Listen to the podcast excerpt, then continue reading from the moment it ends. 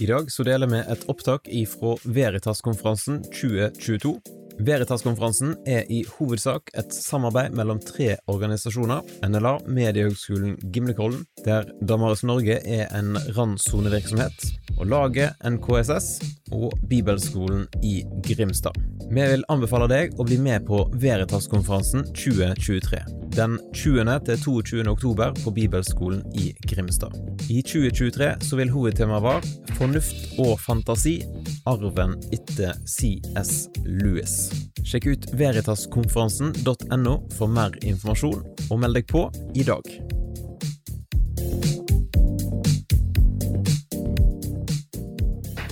Ja, men gott att se er. Eh, som ni hörde heter jag Olof, kommer från Sverige. Eh, yes, en supporter, det är bra. Eh, rör mig en del här i Norge också eh, och eh, jobbar i Sverige då som ledare för Svenska Evangeliska Alliansen. Eh, och skriver en hel del både i jobbet och på fritiden. Eh, och det har blivit ett 20-tal böcker genom åren. Eh, och i det här seminariet ska vi titta lite närmare på det jag skriver om i den här boken. Olika och jämlika heter den. Manligt och kvinnligt ur ett kristet perspektiv. Eh, men framförallt är det det här med könet som social konstruktion då som står i fokus. Eh, och orsaken till att vi talar om det, det är förstås att synen på kön, synen på könsidentiteten har förändrats eh, väldigt dramatiskt faktiskt de senaste decennierna. Och vi ser också i någon slags breda allmänheten att, att den debatten har liksom nått fram. Det här är något som många diskuterar också utanför universitetsvärld och liknande. Eh, vi märker det väldigt tydligt i frågor som rör trans och queer, eller shave teori som ni säger i Norge. Eh, och jag tänkte dela in det här seminariet i två delar då. Eh, först titta lite grann på något slags idéhistoriskt svep, visa på hur feminismen och den Eh, västerländska genusrörelsen har utvecklats i sin syn just på kön. Eh, och sen tänkte jag som avslutning gå igenom ett antal mer vetenskapliga fakta faktiskt om män och kvinnor. Eh, och där jag också menar att vi kan vara ganska trygga med att kön i alla fall inte bara är en social konstruktion. Även om det självklart finns sociala dimensioner av könsidentiteten. Så det är mitt upplägg. Lite idéhistoria först kanske man kan säga. Och sen lite mer vetenskap. Och så kanske vi kan ha lite Q&A både i mitten och på slutet eh, för de som har funderingar eller frågor. Eh, men man kan ju enkelt säga att den moderna formen av kvinnorörelse den, tog fram, eh, den växte fram i slutet av 1800-talet. Det finns alltid föregångare till en sån bevegelse och, och, och vissa upplysningsfilosofer till exempel jobbade med, med, frågor kring jämlikhet. En del andra upplysningsfilosofer var ganska gubbiga, inte det minsta intresserade av, av jämlikhet. Men, men, men det finns lite spridda röster och sådär. Men, men det stora genombrottet var 1800-talet. Eh, det här var en bevegelse som framför allt engagerade kvinnor till en början eh, ur eh, den borgerliga medelklassen. Det var de som hamnade lite grann i ett, ett limbo, säger ni så? Mellanläge, när, när industrialiseringen kom, urbaniseringen, man flyttade in till byarna.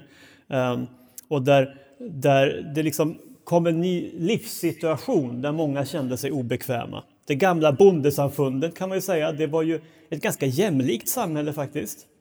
Hela existensen i bondesamfundet det, det byggde på ett gott samarbete mellan män och kvinnor. Männen hade ofta det lite tyngre arbetet. Kvinnorna de var ju i praktiken chefer i det som gällde hus och hem. Och genom det så, så stod man väldigt jämspelta i, i, i den tiden ofta. Ehm, det var också ett ganska förutsägbart samfund, bondesamfundet. Tydliga könsroller ehm, som föll sig väldigt naturligt utifrån hur man faktiskt jobbade på gården. Men så kom då Eh, den här nya tiden när man flyttade bort från landsbygden in i städerna, byarna. Eh, men där det ofta var så att rollerna bestod trots att situationen var helt ny. Man levde inte längre på landet, man levde inte längre på en bondgård Men rollerna kring hur män respektive kvinnor förväntades agera fanns kvar. Och där växte kvinnorörelsen fram och sa att så funkar det inte, så kan vi inte ha det i den här nya tiden. Eh, självklart fanns det också delar av arbetarbevegelsen som, som var med och drev på i det här, ofta med socialistiska förtecken. Um, och det var ju mycket för att det var ett tryck från flera håll som vi fick de förändringar vi fick. Både medelklass och arbetarklass stod tillsammans och de stora symbolfrågorna var ju det här med allmän rösträtt, att både män och kvinnor skulle få rösta. Det handlade också om en sån sak som att man skulle ha Eh, tillgång till högre utbildning även som kvinna. Eh, så man kan säga att första bevegelsen av kvinnorörelsen, eller feminismen, den byggde på att män och kvinnor är olika, ska till viss del ha olika roller, men de har samma intellektuella kapacitet och därför ska de också ha samma rättigheter. Så tror jag man kan sammanfatta den bölgen. Men så kom det då det som kallas andra bölgens feminism några decennier senare. Och här brukar man särskilt hänvisa till Simone de Beauvoir. Eh, eh, hon var sambo med Jean-Paul Sartre, den store eh, ja, han fick ju Nobelpriset och ateistisk filosof. Men hennes bok Det andra könet blev en game changer för kvinnorörelsen kan man säga. Den kom 1949 och har bland annat den här berömda formuleringen i sig. Man föds inte till kvinna, man blir det. Man föds inte till kvinna, man blir det. Och det här säger någonting viktigt om hela den nya bölgen av kvinnobevägelsen den som då tog form på allvar på 1960 och 70-talet. För här började man också skilja mellan det man idag skulle kalla för kön och genus. Eller som andra kanske skulle säga könsidentitet kontra könsroller. Det var en viktig uppdelning i den andra bölgens feminism. Att könsidentiteten den står där, den är fast mer eller mindre. Vi är män och vi är kvinnor. Men könsrollerna är sociala konstruktioner. Eh, och det, det var en viktig fråga, viktigt spörsmål i den bevegelsen. Eh, men notera som sagt att man fortfarande talar om män och kvinnor som två distinkta grupper, eh, som en självklarhet. Men man utmanar många av könsrollerna. Feminismen är ett stort ämne, vi ska inte avhandla så mycket av det nu, men jag vill bara peka på att om man tittar historiskt på feminismen så finns det åtminstone fyra starka grenar. Vi tänker ju lätt att feminism skulle vara en bevegelse, men det är ju många bevegelser. Eh, och det finns många, många fler än de här. Eh, liberal feminism, radikal feminism, socialistisk feminism och socialistisk radikal feminism. Det blir ingen tenta på det här, så ni behöver inte vara oroliga. Eh, men, men det kan vara intressant att veta att det finns ett starkt inslag av socialistiskt tänkande i delar av den feministiska bevegelsen. Eh, även Simone de Beauvoir och Jean-Paul Sartre var socialister och, och, det finns en underton här som, som, som vi kan känna igen i vissa träck i den här bevegelsen. Eh, och den mest framträdande grenen det var ju radikalfeminismen. Och jag vill läsa vad Lena Gemsö skriver. Hon är en ja, auktoritet i, i Sverige som skriver mycket om de här sakerna. Eh, att radikalfeminismen hävdar att kvinnor är förtryckta i kraft av sitt kön och att kvinnoförtryck är den mest utbredda och grundläggande formen av förtryck. Utgångspunkten är kvinnors egna erfarenheter. Radikalfeministisk teori är en teori om kvinnors position i världen utformad av och för kvinnor. Radikalfeminister utmanar liberalfeminismens betoning på en kamp för att uppnå positioner och rättigheter i den offentliga världen och pekar istället på förtrycket av kvinnor i det som liberalismen sett som en privat sfär detta förtryck yttrar sig i form av mäns kontroll av kvinnor i familjen, i sexuellt förtryck inom och utom familjen, i kvinnomisshandel och kvinnoförakt. Lesbiska kvinnors sexualitet undertrycks just för att det hotar den manliga kontrollen av kvinnliga kroppar. Det är en sammanfattning av radikalfeminismens grundtankar så som den växte fram på 60 och 70-talet. Och som ni hör så skruvas tonläget upp. Alltså i den första vågens feminism Eh, bölgens feminism. Där eh, sökte man ganska mycket win-win lösningar. Alltså man argumenterade ganska pragmatiskt att det är ju bra för alla att, att också kvinnor kan dela med sig av sina gåvor och, och att de har rätt att, att, att utöva eh, samma roller i, i, politik och liknande. Medan radikalfeminismen eh, höjer tonläget och lite mer Nej men hörni, det, det räckte inte med det vi försökte med i första böljan. Nu måste vi slå tillbaka lite hårdare och utmana patriarkatet. Eh, och här finns ju också en ganska stark då, eh, idé om, om, att könen står på varsin liksom, sida och att man, man får lite mer av en, en könskamp mellan, mellan de båda sidorna. Eh, och den här symbolen uttrycker naturligtvis just det. Eh, man ska slå tillbaka. Och patriarkatet är ju då uttrycket för den manliga orättfärdiga dominansen i tillvaron som, som ska brytas. Ehm, med tiden kan man också säga att, att det blir en uppdelning i den här bölgens feminism eh, som man lite enkelt kan formulera så här. Essentialister och konstruktivister talar man om. Där essentialismen talar om kön och ser på manligt och kvinnligt som någonting skapelsegivet eller biologiskt betingat, att det är essentiellt. Den sitter i så att säga, själva koden av män och kvinnor. Det, det, det, är ett utgångsläge. Vi är olika och det är ingenting vi kan göra åt det, så att säga. Eh, så här ser man eh, manligt och kvinnligt som inneboende egenskaper där vi styrs av sådana saker som biologi, våra kromosomer, våra hormoner och så. Eh, konstruktivismen däremot vill tona ner de biologiska sakerna. De är mer inne på det här som Simone de Beauvoir uttryckte, att könet inte är, utan könet görs. Eh, och eh, som jag sa tidigare då så, så delar man också upp i kön och genus. Man talar mycket om rollerna, könsrollerna, eller det sociala könet. Eh, där man beskriver väldigt mycket av det sätt vi uttrycker vår, vår könsidentitet på, om vi är män eller kvinnor, eh, som eh, mänskliga konstruktioner. Och om någonting är en konstruktion kan den ju göras om, eller hur? Det är en väldigt viktig tanke här. Att eftersom det här inte är givet, det är inte essentiellt, det är någonting som är socialt konstruerat, då kan man också göra om och göra rätt. Och väldigt mycket politisk kamp utifrån radikalfeminismen har ju handlat om sådana saker som kvotering och att, att ändra på så att säga, system för att på det sättet forma om befolkningen i en riktning man då har tyckt har varit bättre och mer jämlik. Eh, och det är inget tvekan om att radikalfeminismen har haft ett oerhört stort inflytande på vårt samfund i Skandinavien inte minst. Eh, och det är också det som har banat väg, som ni förstår ska man kunna säga mycket om det här, Eh, men det har banat väg för tredje bölgens feminism. Och jag, som sagt, får hänvisa till min bok om ni känner att det här vill jag läsa mer om. Men, men jag tänkte ta den här bilden som också är från boken där jag försöker spalta upp lite grann grundläggande skillnader, forskeller, mellan de tre bölgerna. Där första bölgens feminism då hade sin storhetstid kring förra sekelskiftet. Det var rösträtt, högre utbildning, den typen av frågor.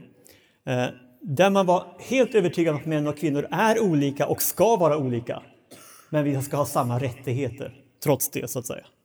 Andra bölgen växte fram på allvar på 60-talet med frågor som hade med ekonomisk och social jämställdhet att göra. Sexualfrågor, abort var en viktig fråga, preventivmedel. Eh, och eh, där man började säga, lansera tanken på konstruktioner kopplat till kön, men där man fortfarande hade många som, som ansåg att könet är någonting essentiellt. Tredje vågens då, bölgens feminism, som kom på 90-talet, eh, där är det lite andra frågor i fokus. Och här brukar man nämna framförallt Judith Butler som en av de viktiga igångsättarna av tredje bölgens feminism. Eh, för det som Judith Butler gör det är att hon underkänner egentligen hela uppdelningen mellan biologiskt och socialt kön. Det som var viktigt också i andra bölgens feminism. Hon säger att allt är konstruktioner. Hela konceptet kön är en konstruktion. Det finns liksom ingen biologisk verklighet att, att riktigt luta sig mot, eh, utan, utan eh, allt är konstruerat. Eh, och en viktig bakgrund till det här är att Judith Butler själv är homosexuell. Och hennes filosofiska projekt kan man säga, det kretsar mycket kring att eh, sexuella minoriteter har blivit marginaliserade just för att de har uppfattats som en avvikelse från normen. De har varit en minoritet. Eh, Och då har hennes tanke varit att om vi så att säga slår sönder tanken på att det finns ett normalt utgångsläge och istället säger att allting flyter, min identitet flyter, min sexualitet flyter, ja men då finns det inte längre någon möjlighet att förtrycka minoriteter, för vi blir ju, alla blir ju minoriteter. Alla är på någon slags flytande skala bara. Det finns inte en majoritet som är mer normal, som då kan ha synpunkter på en avvikande minoritet, utan om allt flyter, om alla bara är individer, rent ut sagt, då kan vi inte heller få eh, eh så säga, dålig särbehandling av minoriteterna. Och det är den här ideologin som brukar kallas för shave teori eller queer då, som man säger internationellt. Queer ideology. Och i Sverige så talar vi om HBTQ-rörelsen. Eh, jag tror ni har LHBTI-rörelsen, bevegelsen. Eh, men HBTQ säger vi i Sverige och Q är ju då queer helt enkelt. Ganska nytt att det har kommit, blivit en del av, av det paketet. Det är bara 10-15 år sedan som queer slog igenom i den meningen. Men det går tillbaka redan på, på 90-talet som sagt. Eh, och man kan väl säga att tredje bölgens feminism är på många sätt eh, postmodern. Eh, den utgår väldigt mycket från individen och var och en anses kunna definiera sig själv. Man brukar säga att det postmoderna kännetecknas av att det finns inga sanningar utan allt är relativt, allt bygger på min personliga upplevelse. Och så är det väldigt tydligt i tredje bölgens feminism. Jag definierar till och med mitt eget kön. Och det kan vara oberoende av hur jag ser ut, för det är liksom, jag är herre över min egen tillvaro och också över min egen könsidentitet. Eh, och utifrån ett queer-tänkande så kan man också gå fram och tillbaka. Man kan ha en period då man är heterosexuell, sen kan man bli homosexuell, kanske transsexuell. Men så kan man gå tillbaka på samma skala. Det flyter som sagt. Eh, så det är en ganska tydlig skillnad här också mellan queer-tänkandet och klassisk gayrörelse till exempel som sa att jag är born this way, det går inte att göra någonting åt det. Det är helt passé utifrån queer-tänkandet. För där kan jag ju byta identitet nästan varje vecka om jag vill. Eh, men som sagt, Judith Butler var en av de viktiga för att lansera det tänkandet. Inom tredje bölgens feminism jobbar man också mycket med det här begreppet, intersektionalitet. Är ni bekanta med det? Några? Ni kommer nog känna igen det när jag beskriver det.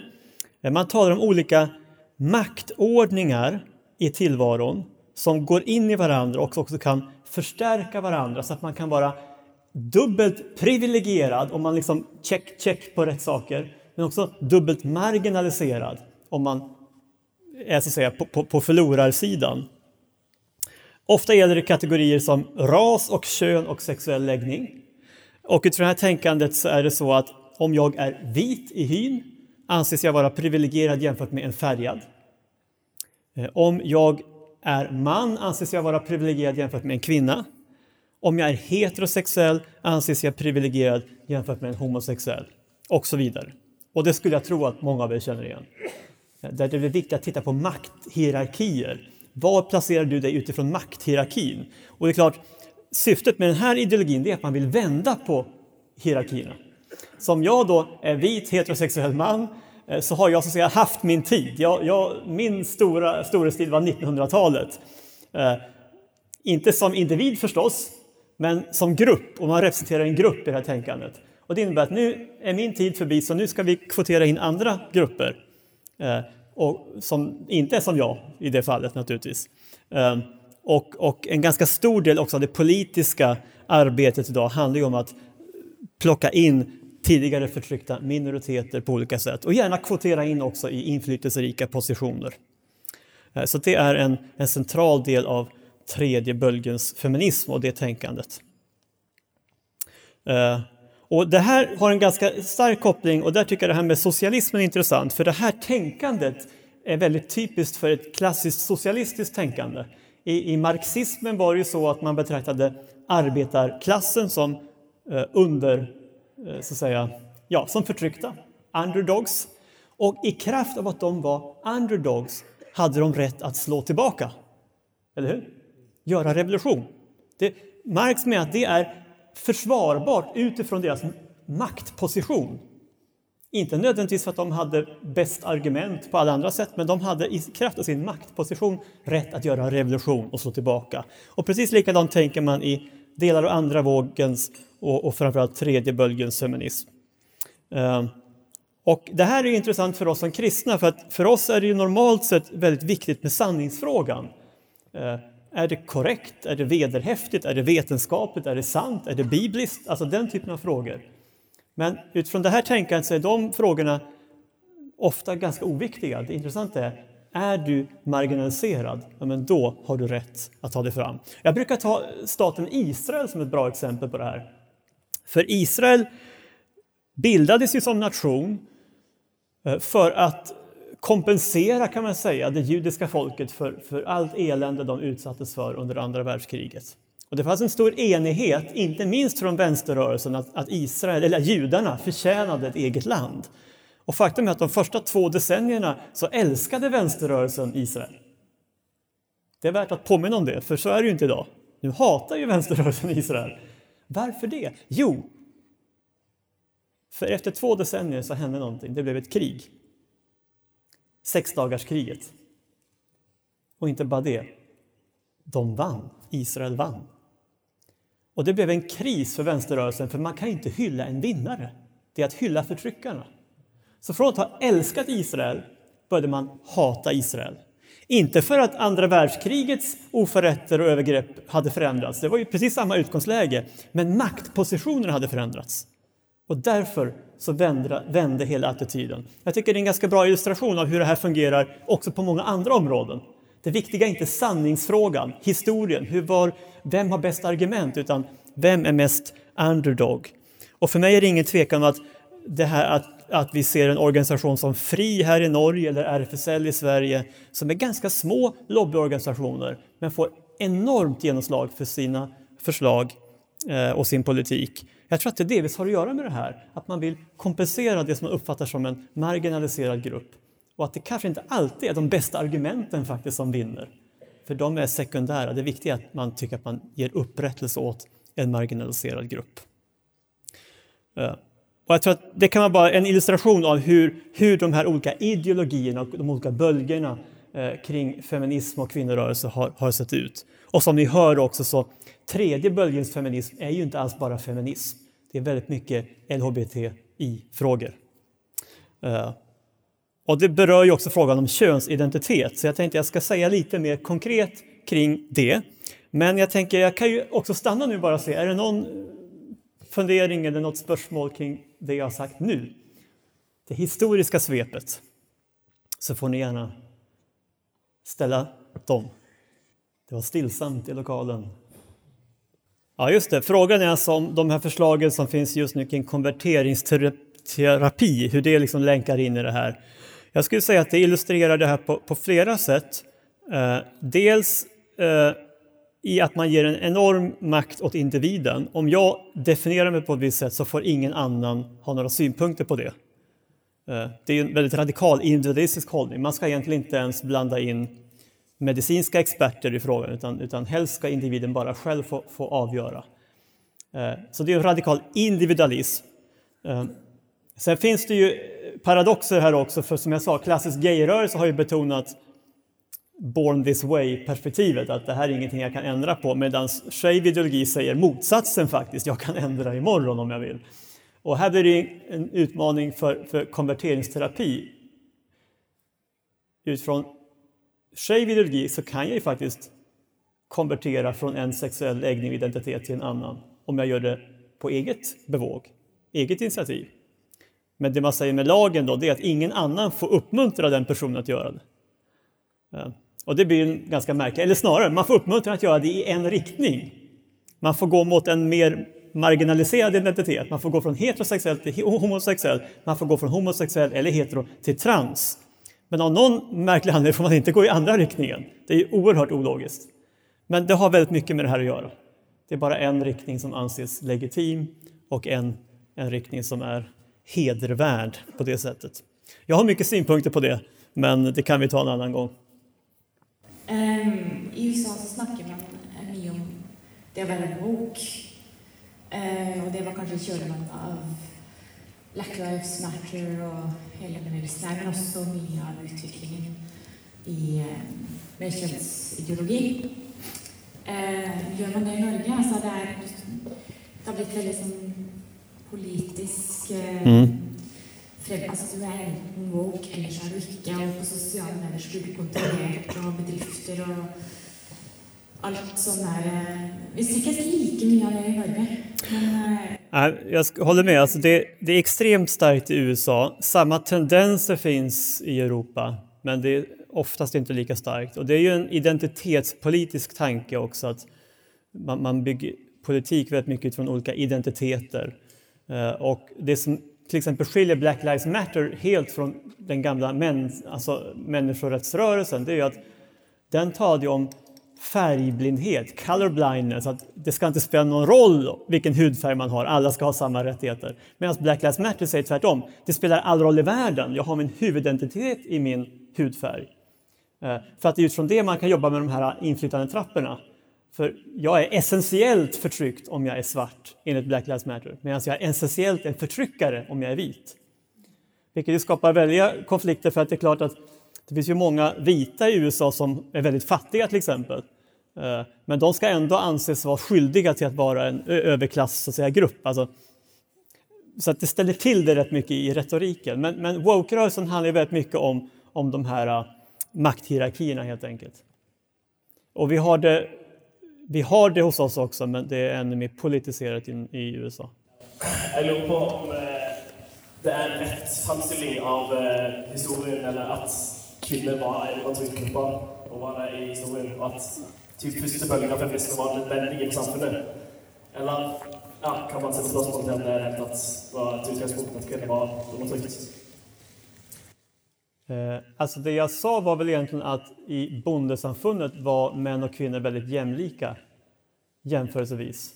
Men att problemen uppstod framförallt när man flyttade in till städerna och behöll gamla könsroller trots att livssituationen var väldigt annorlunda. Eh, så att, eh, det var vad jag sa. Sen så skulle ju många radikalfeminister säga att patriarkatet är ett mönster som finns i alla tider. Och jag kan ärligt säga att jag anser att efter syndafallet finns det också en orättfärdig manlig dominans eh, i många situationer som jag ser som en följd av synden. Eh, så att jag, jag, jag använder inte feminismens språkbruk så gärna därför att det finns så mycket annat i det, men, men jag tror att man gör en analys som det finns en poäng med. Och jag tror att i, i, i mötet med Jesus där vi, där vi faktiskt får på vis komma inför korset tillsammans, det är där vi, vi hittar den sanna, goda relationen mellan män och kvinnor. Så vil du si at altså, den første feminisme var, var nødvendig for samfunnsendringen som skjedde? Da? Ja, och det var väldigt många kristna som var aktiva i första bölgen. Just för att man uppfattade att huvudkraven i den bölgen var faktiskt helt förenliga med evangeliet. Och i alla fall i Sverige vet jag att väldigt stor del av frikyrkan var aktiv i till exempel kampen för rösträtt och, och liknande. Eh, Du beskriver jo eh, en situasjon der eh, det er jo egentlig en del spenninger i LHBT-bevegelsen.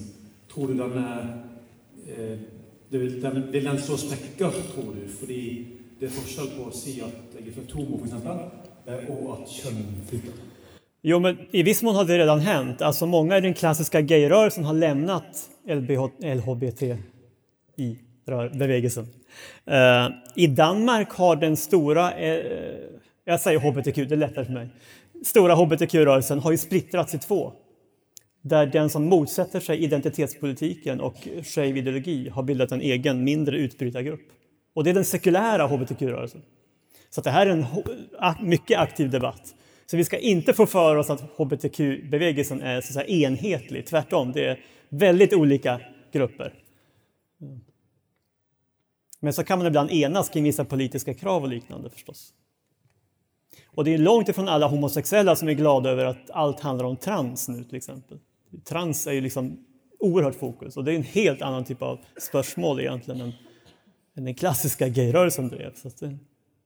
Men utifrån privilegietrappan skulle transbevägelsen säga ja men gayrörelsen tillhör ju de privilegierade numera.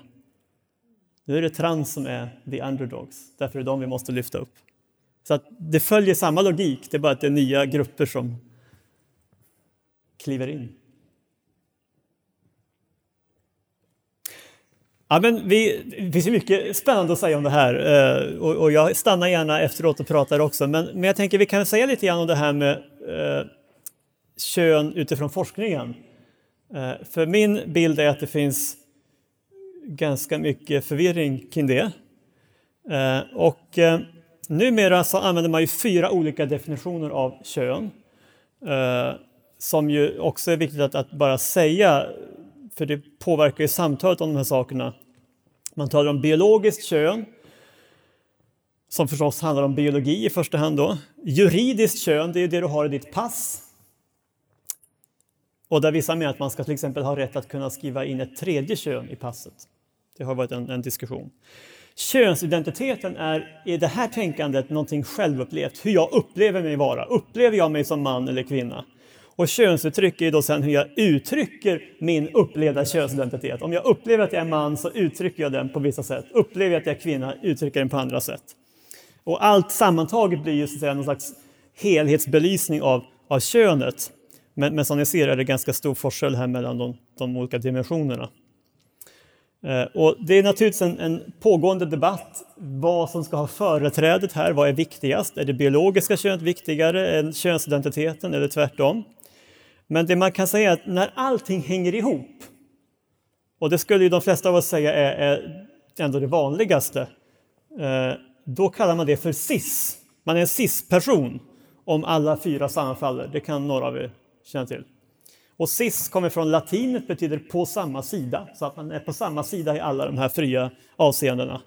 Och den direkta motsatsen till det är ju transperson, för trans då är man överskridande på andra sidan. Det överensstämmer inte med varandra.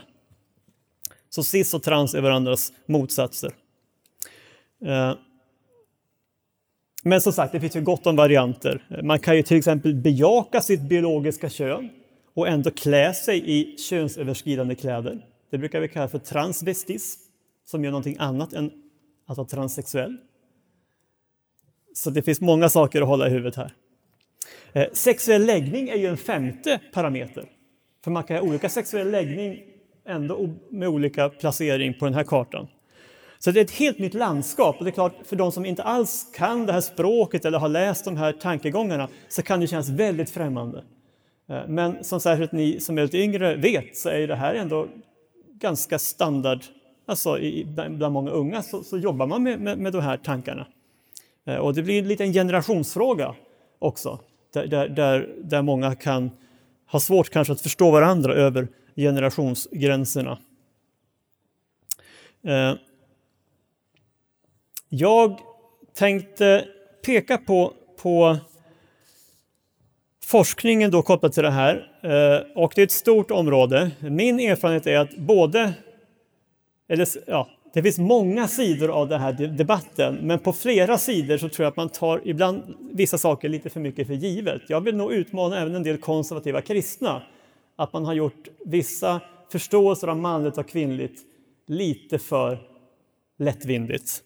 Um, jag tror att vi, vi måste också våga ha ett öppet sinne och, och, se till vad forskningen kan bekräfta och vad som är mer är kanske just kulturella fenomen. Eh, så att för mig är det en, en viktig ärlighetsfråga. Eh, men tittar man på traditionell utvecklingspsykologi är det ingen tvekan om att där har det här med könsidentiteten varit en väldigt central fråga. Hur vi växer upp och formas som pojkar och flickor, gutter och jäntor. Det har varit en, en huvudfråga faktiskt i utvecklingspsykologin. Eh, och jag har ett citat här av en socionom och en psykoterapeut som skriver en bok förut med titeln Får flickor finnas? på svenska. Eh, frågetecken. Eh, och då skriver de så här, jag tycker det är intressant.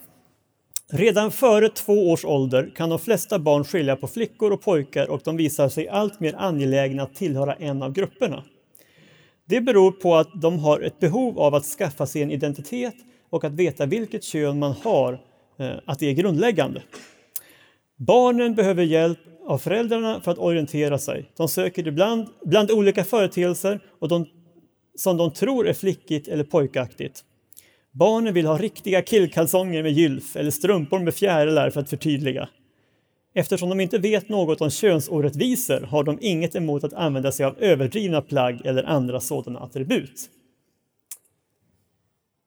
Tvååringar är sysselsatta med att tillägna sig en könsidentitet.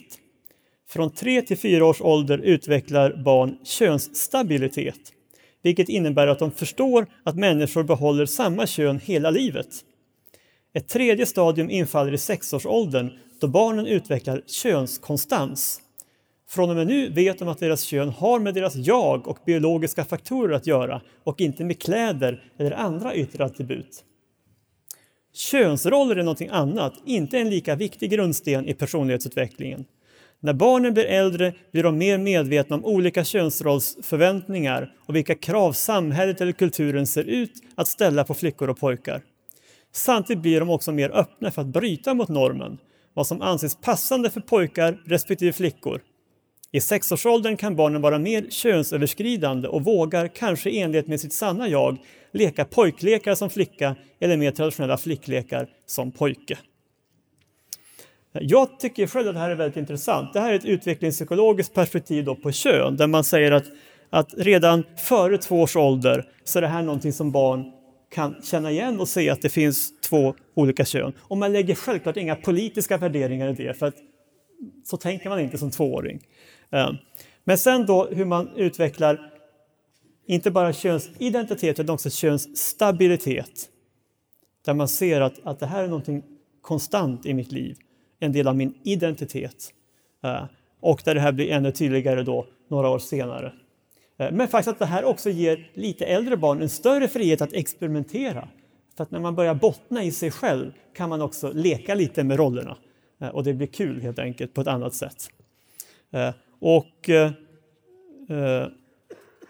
det man också vet är att av de här barnen innan man är i puberteten så är det ungefär 7% av alla flickor och pojkar eh, som kan uppfattas av omgivningen som lite mer pojkflickor eller flickpojkar, alltså lite, lite otypiska för sitt kön.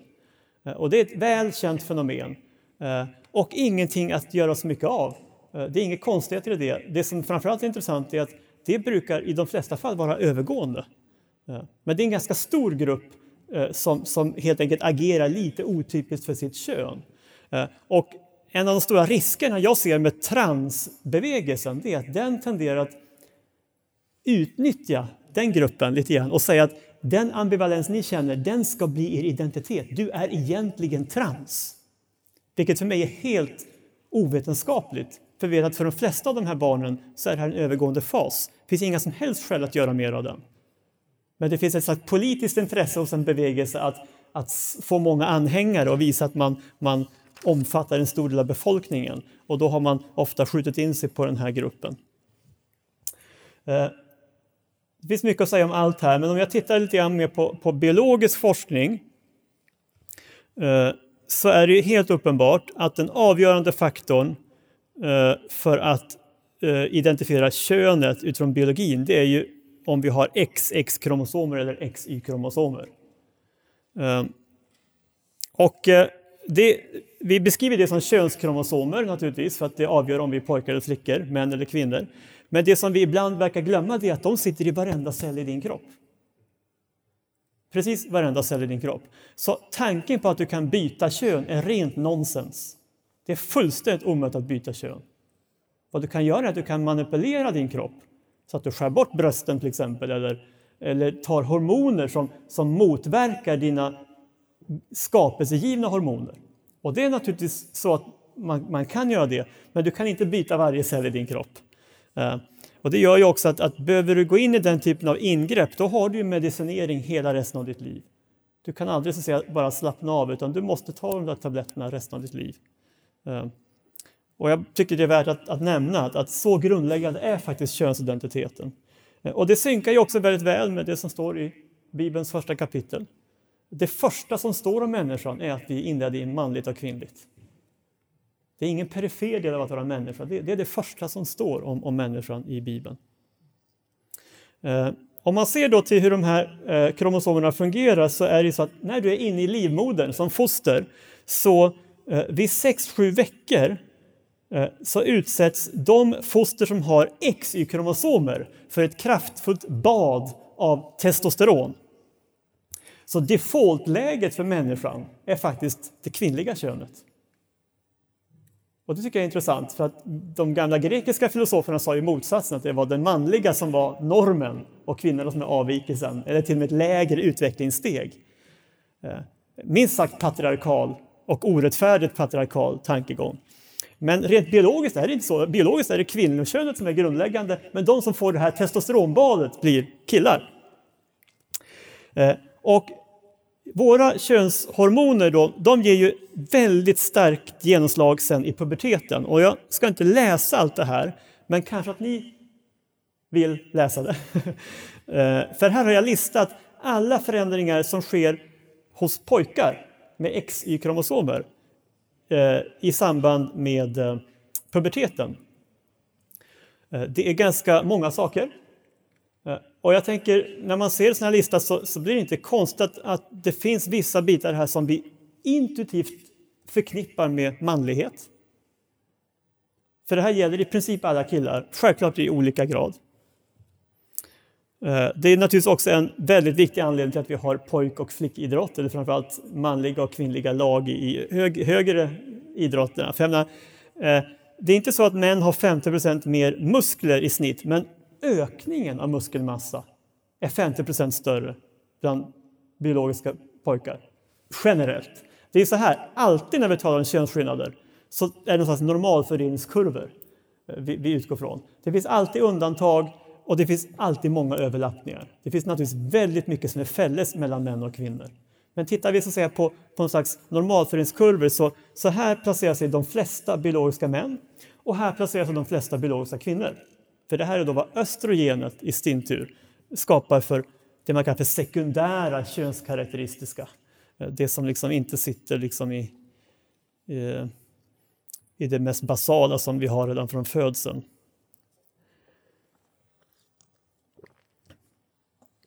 Och som sagt, eh, det här illustrerar ju också att könet sitter i varenda cell, som ni märker. Det är sådana saker som ansiktsform och liknande saker som också påverkas i puberteten. Eh, och som vi ofta plockar upp ganska intuitivt, att det här är ett kvinnligt utseende. Och så finns det naturligtvis en, en gråzon där, där, där, man inte, där det inte är lika uppenbart. Och för mig är det ganska oproblematiskt. Normalfördelningskurvan finns fortfarande där. Det är så tydligt att de här effekterna finns på de flesta män respektive kvinnor. Eh, ett annat intressant forskningsfält är det som har med våra hjärnor att göra. Och det är en ganska modern forskning. Man brukar säga att 90 procent av det vi vet om hjärnan har vi lärt oss de senaste 30 åren. Det är ganska förbluffande. Så nytt är det forskningsfältet. Eh, och eh, vid det här laget så vet man ju då att män och kvinnor är lika intelligenta. Eh, det har ju varit en debatt genom årtusendena annars och första vågens feminism tampades ju mot den tanken att män skulle vara smartare. Eh, det vet vi att så är det inte. Det vi vet är däremot att det finns något fler överbegåvade män och något fler underbegåvade män. Generellt talat. Så, så, i praktiken så är det lite fler män som är på nobelpristagarnivå och lite fler män som är på motsatsen, hur vi nu ska benämna den. Eh, Medan kvinnor fördelar sig generellt lite jämnare. Men självklart finns det också kvinnor på nobelpristagarnivå eh, och tyvärr också i andra änden av spektrat. Men de är något färre. Eh, och det är förut en av, av vår tids problem och ironier att vi har två vanliga grupper ofrivilliga singlar i samfundet. det är högutbildade kvinnor och det är lågutbildade män. Utmaningen är att just de två grupperna brukar väldigt sällan finna varandra. Det är liksom ingen perfect match om jag säger så. Och det, det är ju en sorg i det, men, men det är ett faktum också. Uh, jag har tittat på väldigt mycket forskning kring det här med, med manligt och kvinnligt. Eh, och som sagt, jag menar att det finns väldigt mycket fördomar i båda riktningar där. Men som jag uppfattar det är det ändå fastslaget att män på gruppnivå är något duktigare än kvinnor på abstrakt matematik. Tredimensionellt tänkande, typ att fritt rotera en volym in i huvudet och tolka den rätt, det verkar vara lite lättare för lite fler män. Eh, och man kan också sammanfatta det som att den typiska manshjärnan ofta är programmerad för att förstå och bygga system. Det betyder inte att kvinnor inte kan förstå och bygga system. Det betyder bara att det är lite fler män som är lite mer begåvade där.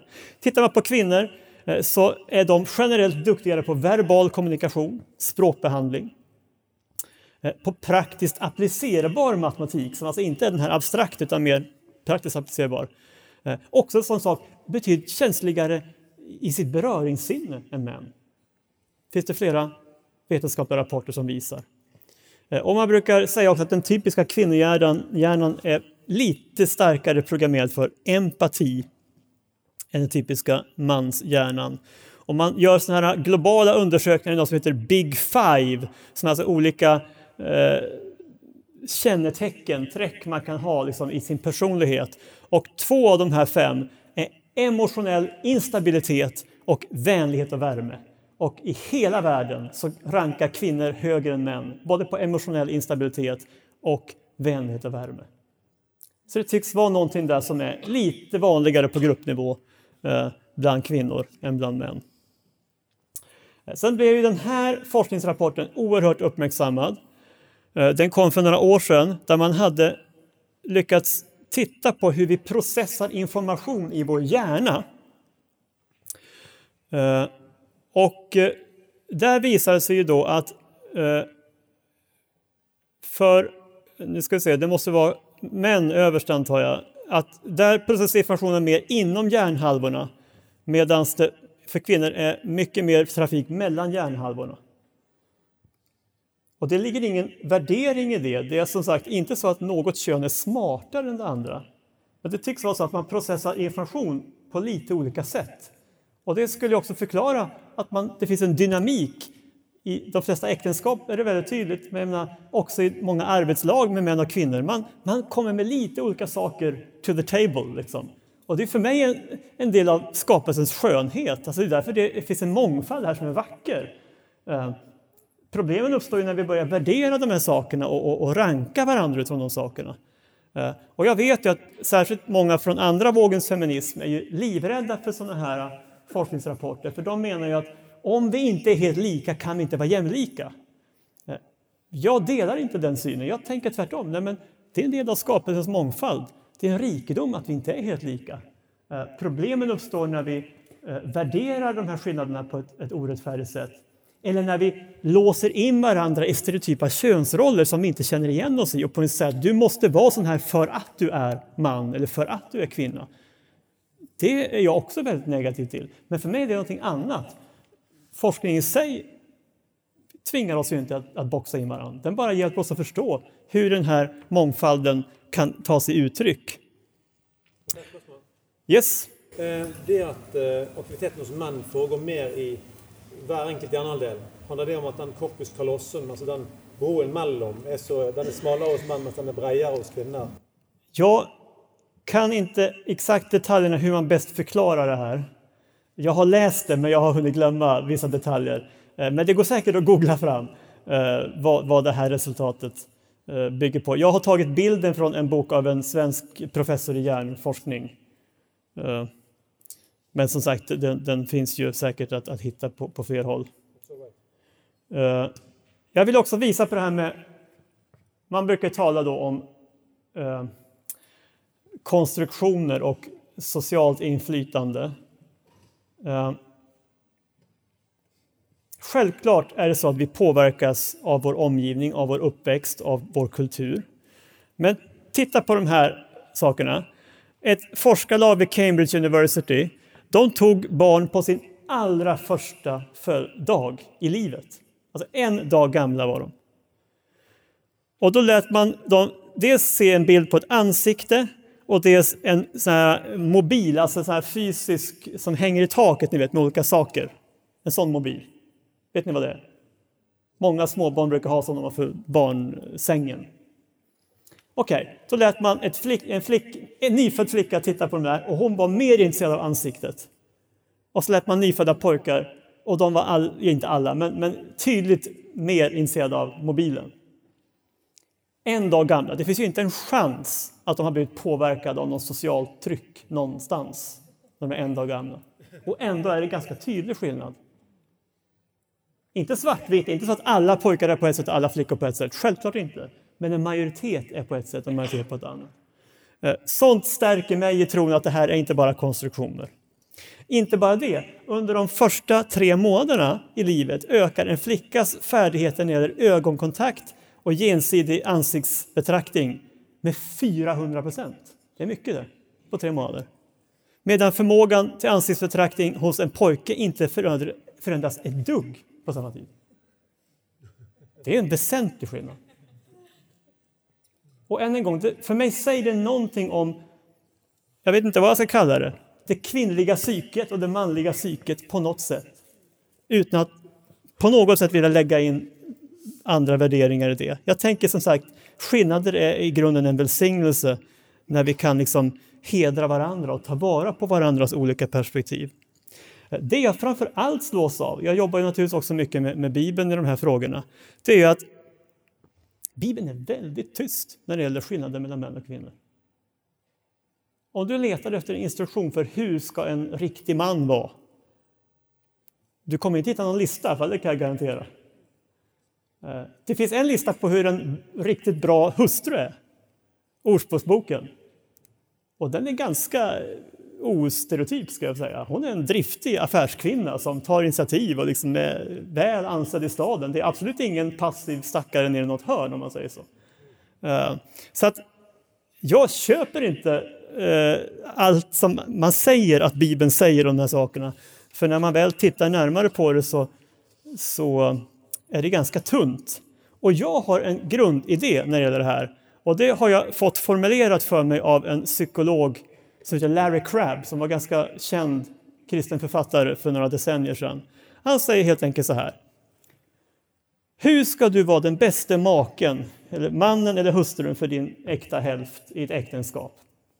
Ja, det är inte främst att försöka se hur manlig kan jag som man vara mot min fru?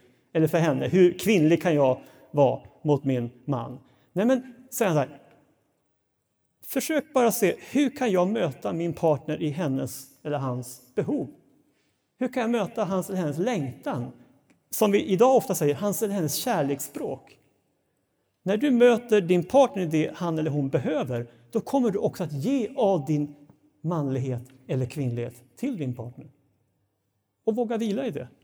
Jag tycker det är ett väldigt avslappnat förhållningssätt som tilltalar mig. Att inte förneka att vi har någonting att ge utifrån vår manlighet och vår kvinnlighet. Men vi behöver inte sitta och stirra oss blinda på det. Utan hur, menar, och Paulus går ännu längre i Efesierbrevet 5. Hur kan jag vara en Kristus för min kone? Hur kan jag offra mig för henne? Hur kan jag tjäna henne? Ja, men I det kommer hon också att möta en sund och god manlighet från min sida. Ja. Så tänker jag. Ja. Och eh, jag tror som sagt att, att då kan vi se det här med våra forsröder på ett sätt som blir till välsignelse. Jag kan ta någon sista sak. Eh, likestillingsparadoxen, den har ju varit uppe också i norska medier. Det här som tog forskarna helt på sängen, där man tänkte att nu ska vi väl äntligen ha det här likestillde samfundet eh, där man inte väljer stereotypt vilka yrken och liknande man, man ska ha. Och så gjorde man en global undersökning med massor av länder, alla världsdelar. Och så ser man att de som väljer mest könsstereotyp när det gäller yrke, det är skandinaviska kvinnor. Medan nere i Saudiarabien, där är det mycket mindre skillnader mellan könen. Udda, eller hur?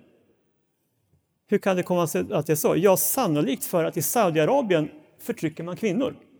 Och då blir manliga karriärvägar ett sätt att, så att säga, komma upp sig och få respekt i samhället. Medan i Sverige och Norge, som är så extremt jämställda, behöver man inte tänka så, utan man kan följa sitt hjärta.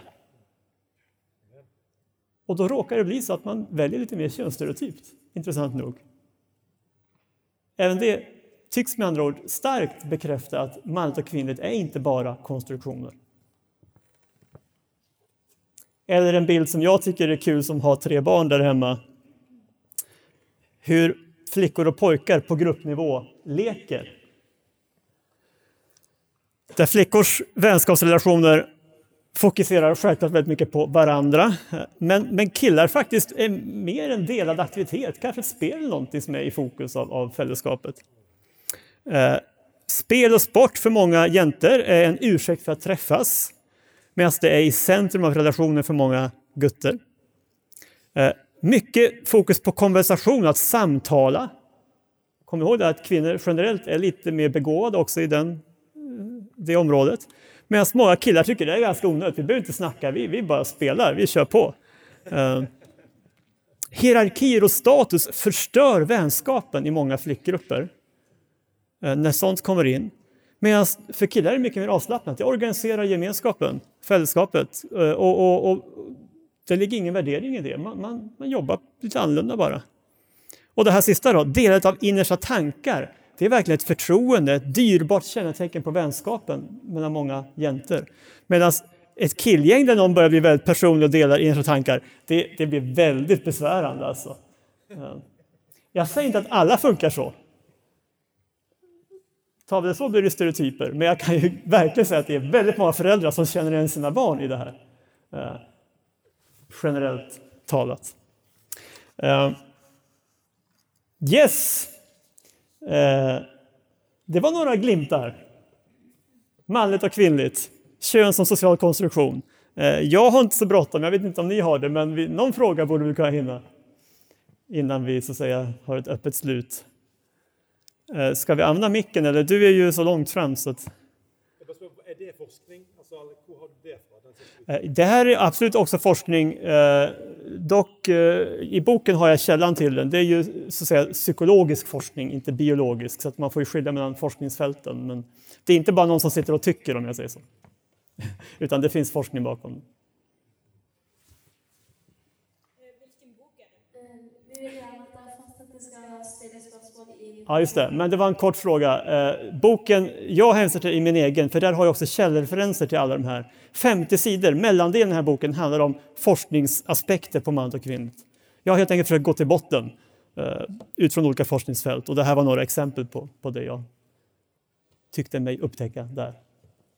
Eh, när det gäller det med eh, å alltså, ta egna val för kön och sånt. Eh, Eh, det har varit snack om, om barn i lav alder, fordi eh, jeg har tenkt på hvordan man plutselig har gitt barn i veldig lav alder veldig mye makt over å ta egne avgjørelser, blant annet rundt det. Og om du har noen når på det, der tanken starta, at barn plutselig har veldig mye selvstendighet og makt til å kunne ta så store avgjørelser på egen hånd. Altså hvis du ser på når man er mindre, når man får lov til å bestemme over egne penger. Eh, er är vi inne på frågan om könsidentitet nu, alltså trans? Ja, ja Frågan. både, både hvilket kjønn du er, eller hva du føler, men ja, altså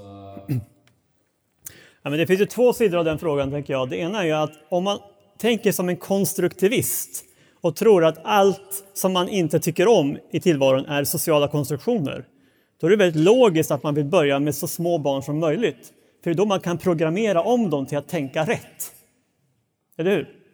Det finns en logik i det. Det kallas social ingenjörskonst. Om vi börjar i Barnehagen så får vi ett nytt samfund om 20 år. Eh, den andra sidan är ju att man också anser att individen verkligen har rätt och eh, skyldighet till och med kanske att definiera sig själv. Eh, och då har man väl också märkt att det finns en ambivalens hos många barn och då är det ju väldigt frestande att tycka att men då är det, om, om redan ni börjar jobba med frågan så stärker det också vårt övergripande case att visa att transgruppen är mycket större än man historiskt har ansett till exempel.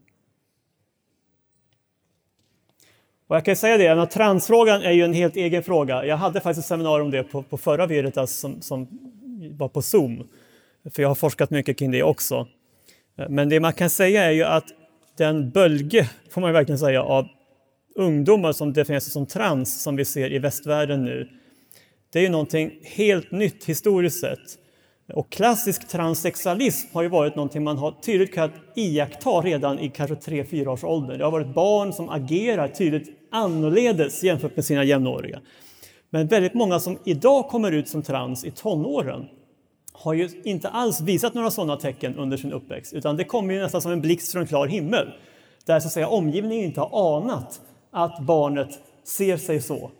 Eh, och det är en helt annan typ av diagnos. Alltså klassiskt har man definierat och diagnostiserat transsexualism mycket utifrån hur omgivningen har uppfattat de här människorna. För det har varit så uppenbart under hela deras uppväxt.